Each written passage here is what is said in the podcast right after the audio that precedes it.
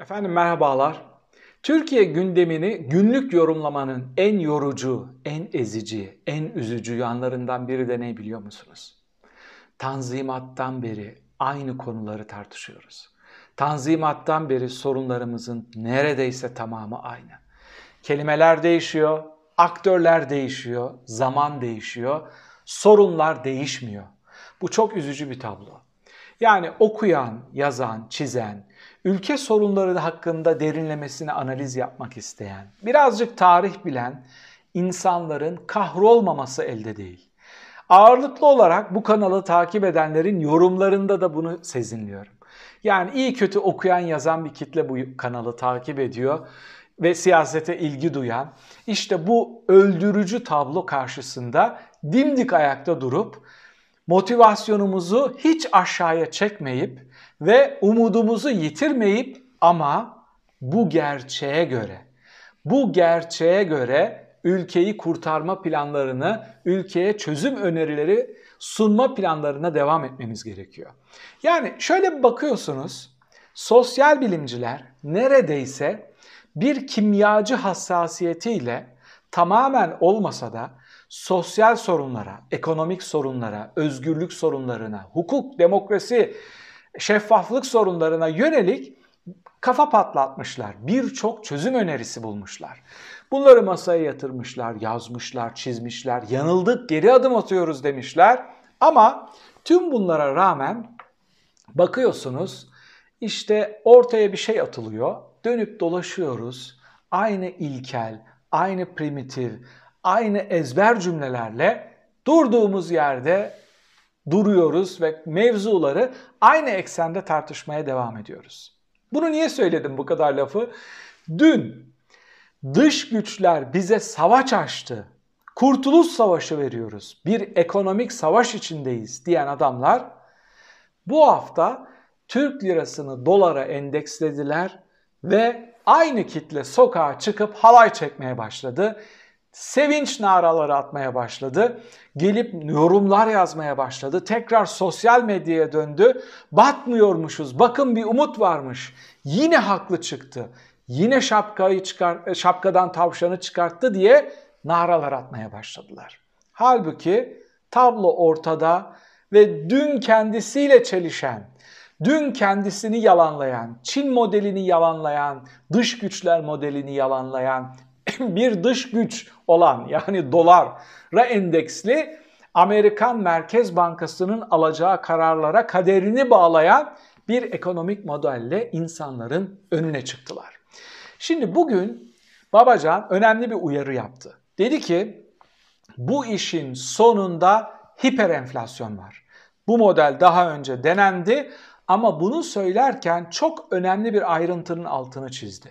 İşte o önemli ayrıntı Erdoğan'ın kurguladığı bu ilizyonun başarı şansı, niçin bugüne denk getirildiği ve ve hiper enflasyon ülkeye ne getirebilir, ne götürebilirle birlikte bir erken ve baskın seçim olma ihtimali hakkındaki görüşlerimi özetliyorum.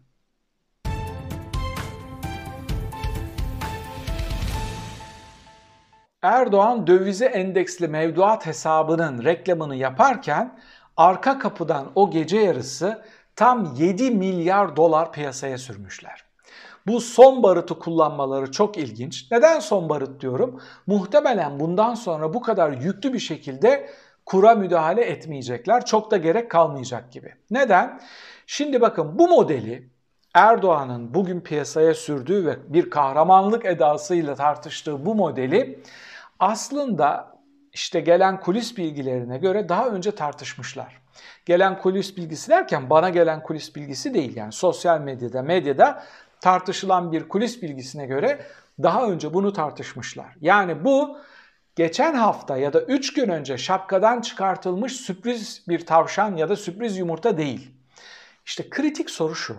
Neden bunu daha önce uygulamadılar? Bu o kadar önemli bir soru ki her şeyin cevabını e, masa üstüne koyan çok önemli bir projektör bu soru. Şimdi diyeceksiniz ki baskın seçim yapacak, erken seçim yapacak, onu ona yaklaştırdı. Kısmen doğru. Evet, İlk cevap bu. İkinci cevapsa şu.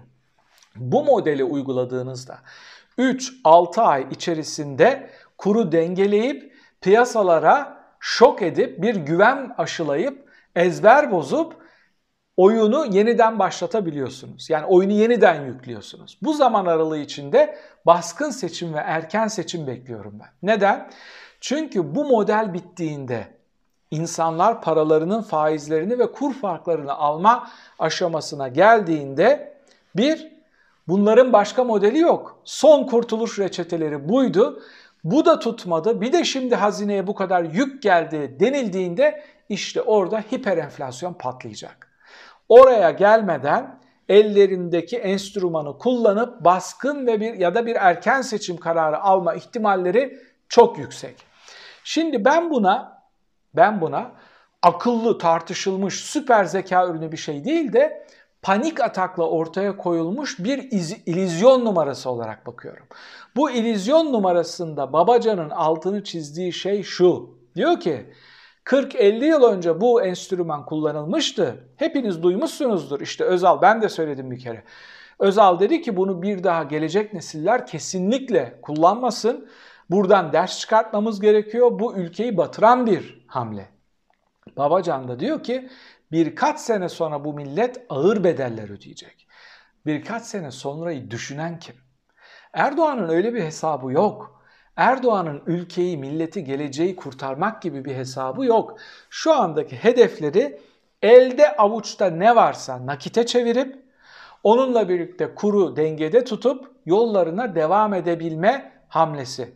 Şimdi burada buradan dövizi durdurduktan sonra ya da kuru kısmen düşürdükten sonra neye göre düşürdükten sonra 18'e 20'ye göre ama geçen seneye göre ikiye katlanmış döviz olmasına rağmen, kur verileri olmasına rağmen Erdoğan büyük bir milli kahraman olarak insan içine çıkıp konuşabiliyor. Düşünebiliyor musunuz? Geçen seneki rakamların iki katı şu anda kur ama Erdoğan dövizi düşüren kahraman. İşte bunun için altını çize çize size şunu söylüyordum. Neden yaptıklarını bilmiyorum. Ama dövizi kasten şişirdiklerini, kasten tırmandırdıklarını, kasten yukarıya çıkarttıklarını, artırdıklarına yönelik en ufak bir şüphem yok. Israrla bunu söyledim. İşte bunun için yapıyorlarmış. Yani görece bir başarı için. Görece, görece bir başarı ne demek? 20'lerden 14'lere düşmek büyük bir başarı, kahramanlık destanı. Ama geçen seneye rağmen ikiye katlamasının döviz kurlarını hiç önemi yok. Neden? Nedenini de yorumun sonunda açıklamaya çalışacağım. Bir OECD çalışması ve verisiyle birlikte bunu size açıklamaya çalışacağım. Ama kritik sorulardan bir tanesi de şu. Madem döviz düştü, şimdi marketlere yine efelenmeye başladılar. Düşürün fiyatları döviz artıyor diye işte siz bunları şişirmiştiniz. Neden şimdi fiyatları aşağıya çekmiyorsunuz? Çok güzel. Siz devlet olarak örnek olun. Enerji fiyatlarını aşağıya çekin benzin, dizel fiyatlarını aşağıya çekin. Sizin cebinize giren köprü, yol, e, işte o şehir hastanelerine yapılan ödenekler vesaire neyse onların ödeneklerini aşağıya çekin. Deyin ki bakın döviz aşağıya düştü. Hadi bakalım şimdi sıra sizde. Ki bunu deseniz bile fiyatların düşmeye başlaması bu şekilde kur sabit kalsa bile fiyatların düşmeye başlaması 2-3 ayı bulacak. Neden biliyor musunuz? Şu anda sizin satın aldığınız mallar ham maddesi satın alınırken o toptancılar, o üreticiler devasa fiyatlardan döviz bozdurup o ham maddeleri satın alıp sizin tükettiğiniz ürünleri ürettiler. Onun için bugün düştü hadi küt diye yar hadi yap bakalım. Girdileri değiştiremiyorsun ki. Adamlara oyun oynamışsın. Faizi artırmayacağım demişsin. Döviz morfinli, döviz dopingli, hormonlu faiz şeyi açıklamışsın. İki gün sonra insanlara kurduğunuz bu tuzağın adı Venezuela modelidir. Ama bir farkla Venezuela'nın doğal gazı var, petrolü var ve kaçak satarak ambargo olmasına rağmen bir şekilde kendi yüzde kırkını tok tutabilecek bir şekilde yollarına devam edebiliyorlar. Buradan muhalefetin çıkartması gereken ders şu. Bakın sosyoloji kırılıyor ve sosyal demokratlara doğru koşar adım geliyor. Türkiye'deki tüm gerçekler sosyal demokrat, sosyal devletin ön planda olduğu bir siyasi zemine doğru gidiyor. Onun için Kılıçdaroğlu'nun belediye başkanlarını toplayıp şu kara kış modeli, kara kış programı çalışması teorik olarak değil de somut olarak insanlara çözüm önerileri sunması yine son dönemde yaptığı çok can alıcı, çok başarılı hamlelerden bir tanesi. Hep söylüyorum Kılıçdaroğlu CHP için çok büyük bir şans. Bu oyunların tamamına yakınını gördü ve hamlelerini ona göre yaptı. Bir başkan adayı olarak kendisini görmüyorum. Hele hele şu hamlelerden sonra kesinlikle güçlü bir cumhurbaşkanı adayı değil ama Millet İttifakı içindeki CHP'yi muhafazakar kitlelerin, kopan muhafazakar kitlelerin bile gönül rahatlığıyla o ittifaka oy verebileceği sempatik bir parti haline sokmayı başarması büyük bir artı puan CHP için. Şimdi CHP'nin, Millet İttifakı'nın, İyi Parti'nin, DEVA, Geleceğin, Saadet'in yapması gereken şey şu. AKP ve MHP tabanıyla artık alıp vereceğiniz hiçbir şey yok. Onlar bu hamleden sonra daha fazla kenetlenecekler ve yollarına devam edecekler. Ama o kararsız kitle, onun içinden küçük bir parça bu hafta AKP ve MHP safına geçti. Onlar zaten çok gönülsüz kararsızdılar. Ama diğerleri hala piyasaya bakacaklar. Hala marketlere bakacaklar, benzine bakacaklar, kendi ekonomilerine bakacaklar. Onları çok detaylı çalışmanız gerekiyor. Başkanlık sistemlerinde bakın Amerika'da partiler çok büyük ve geniş bir ekiple kitleleri analiz ederler. Irklarına göre, gelir durumlarına göre, inançlarına göre ve bu analiz sonrasında eyaletlere göre nokta atışı stratejik hamleler yaparlar. Başkanlık seçimlerinde bunu yapmak zorundasınız ve görev paylaşımı da yapmak zorundasınız. Bazı şeyleri İyi Parti dillendirmeli, bazı şeyleri CHP dillendirmeli. Sonuç olarak aynı kitlede bu kararsızları buluşturacağınız için hiçbirisinin kaçmasına müsaade etmemeniz gerekiyor. Şu hamlelerden sonra AKP ve MHP tabanıyla konuşmayı ya da onların baskısıyla hareket etmeyi bir tarafa bırakın. Sizin kitleniz sizden ayrılmayacak, onların kitlesi onlardan ayrılmayacak. İki tane aktör var şu anda sahada. Biri HDP, biri kararsızlar. İkisinin de oy oranları birbirine çok yakın. Bu iki çizgide, bu iki eksende hata yapmayan seçimleri çok net bir şekilde kazanacaklar. Erdoğan'ın klasik taktiklerini artık biliyoruz. Bir sorunu büyüt, onu olduğundan daha büyük göster.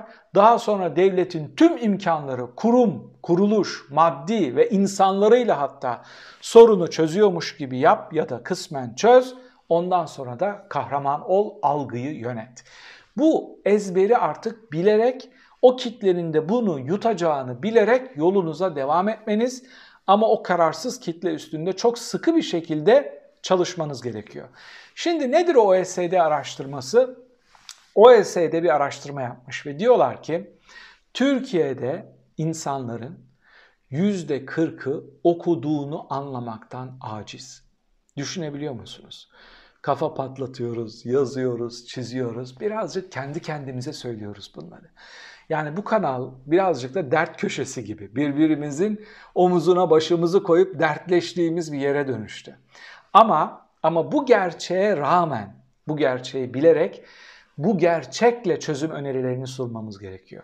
Şimdi bu %40'ı anlamanız için mukayeseli bazı veriler vereyim size. Bu oran Japonya'da %4. Bu oran Finlandiya'da %6.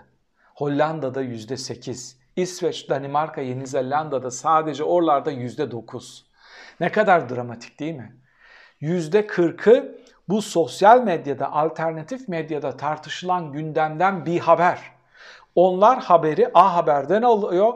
Siz o habere gülüyorsunuz, siz o haberle kavga ediyorsunuz ama onlar etkisini ve müşterisini çok iyi bildikleri için yollarına devam ediyorlar. Şimdi bir gazeteci arkadaşım Twitter'da güzel bir şey paylaştı. Haziran seçimlerinden önce 15 gün önce erken seçim kararını almadan 15 gün önce Erdoğan demiş ki erken seçim yok. Burası bir hukuk devleti. Seçimler zamanında yapılacak. Ve 14 gün ya da 15 gün sonra seçim kararı almış. Türkiye hiper enflasyon limanlarına yelken açmışken erken seçim kararı almama ihtimali yoktur. Bu ihtimale göre muhalefet bugün bir araya gelip bize açıklamasa bile Cumhurbaşkanı adayını belirleyip yoluna o istikamette devam etmek zorundadır. Sizlere sorum şu, bu hiper enflasyon tehdidini ve tehlikesini siz de görüyor musunuz? Bu tehditten endişe ederek seçmen ve seçim davranışlarını, parti davranışlarını, e, parti seçim davranışlarını değiştirmeye başlayan kişiler çevrenizde var mı? E, yorum köşesinde bunları tartışabiliriz. Bir sonraki videoda tekrar birlikte olmak üzere efendim. Hoşçakalın.